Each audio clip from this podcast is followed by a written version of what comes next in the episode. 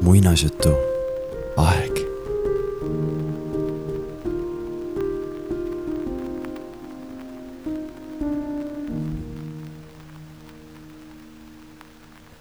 täna kuuleme Max Lucado lugu Sa oled eriline. vemmikid olid väiksed puidust inimesed. Neid kõiki oli nikerdanud puutöömeister Eeli. Eeli töökoda asus mäel, kust avanes vaade vemmikite külale. iga vemmik oli erinev. mõnel oli suur nina, teisel suured silmad mõned olid pikad ja teised lühikesed. mõnel olid mütsid, teisel mantlid. kuid kõik olid tehtud ühe ja sama nikerdaja poolt ja kõik elasid samas külas. ja kogu päeva, iga päev tegid vemmikid sama asja. Nad andsid üksteisele kleepse. igal vemmikil oli kuldsete tähekleepsudega karp ja hallide täppidega kleebiste karp igal pool linnas olid vemmikid, kes kleepisid üksteisele tähti või täppe. ilusad, sileda puidu ja peene värviga vemmikid said alati tähti. aga kui puit oli kare või värv purunes, andsid vemmikid talle täppe. andekad said ka tähti mõned oskasid tõsta suuri oksi või hüpata üle kõrgete kastide teised aga teadsid väga palju või oskasid laulda väga hästi. Neile anti tähti. Mõnel vemmikil oli väga-väga palju tähti. iga kord, kui nad said tähe, tekitas see neile nii hea tunde, et nad tegid kohe midagi muud ja said veel ühe tähe. teised aga ei osanud väga palju teha. Nad said täppe.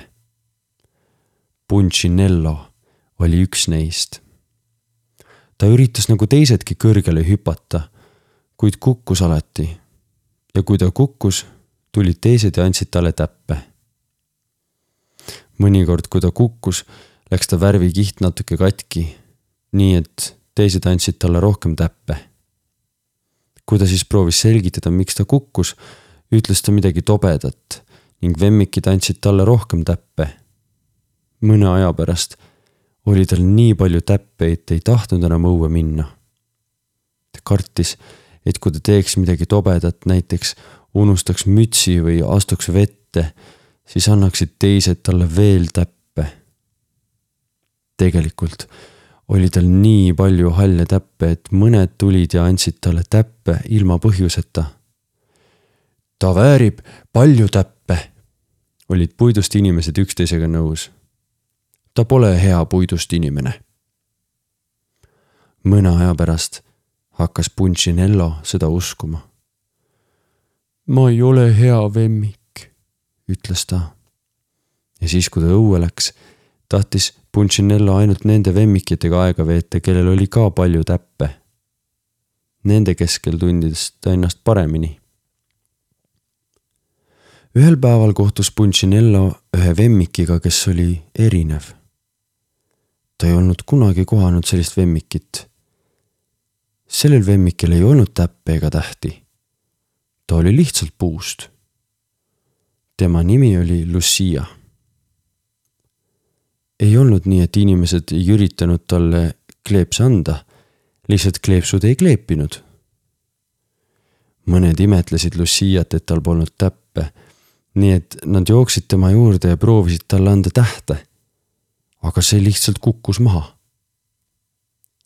mõned vaatasid talle uhkelt, sest tal polnud tähti.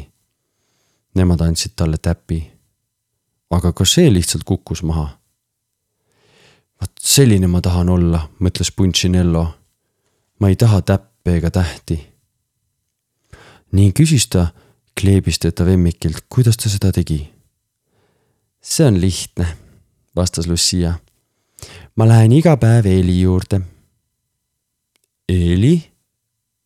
jah, Eeli, puunikerdaja. Ma istun temaga töötoas. miks? miks sa ise ei uuri? mine mäest üles, ta on seal. ja sellega pöördus märkideta vemmik ja hüppas minema. aga ta kindlasti ei taha mind näha, ütles Punchinello. seda Lucia enam ei kuulnud.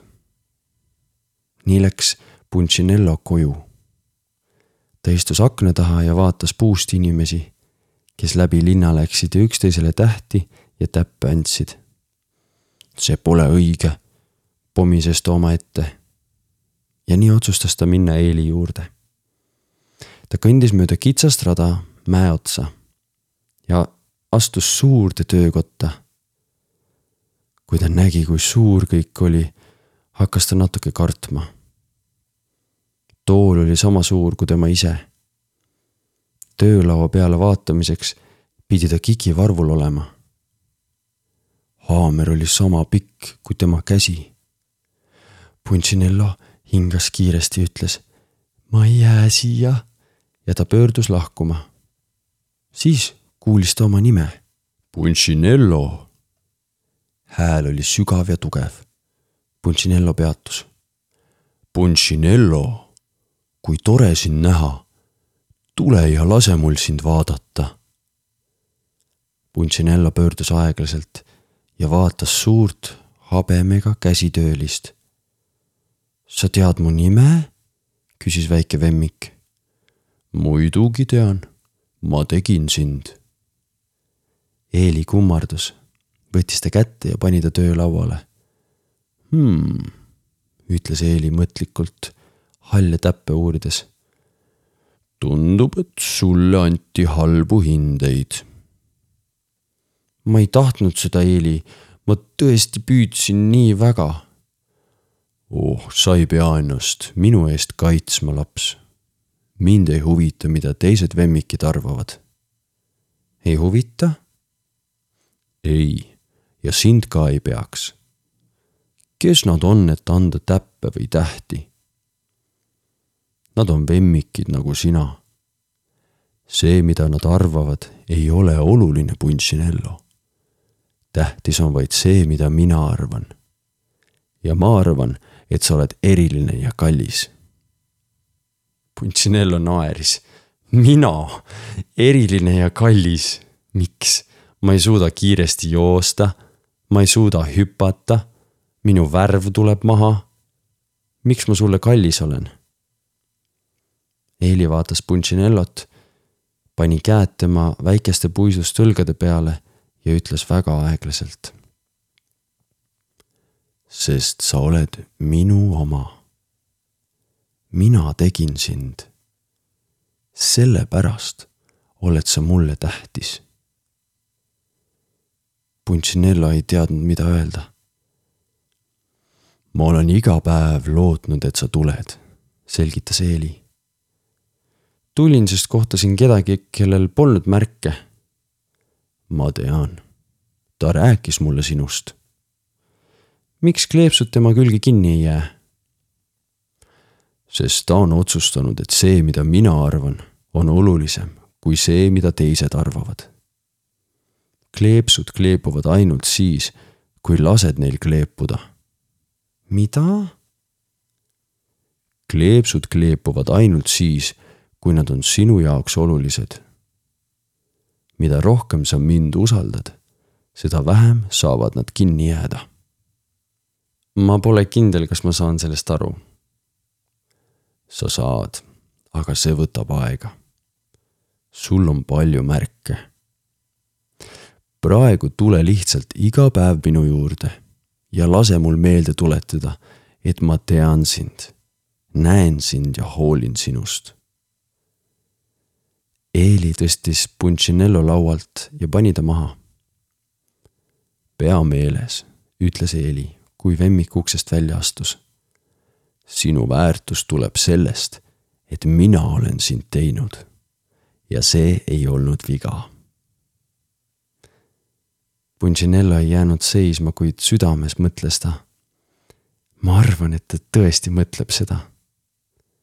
ja kui ta seda mõtles, kukkus üks täpp maapinnale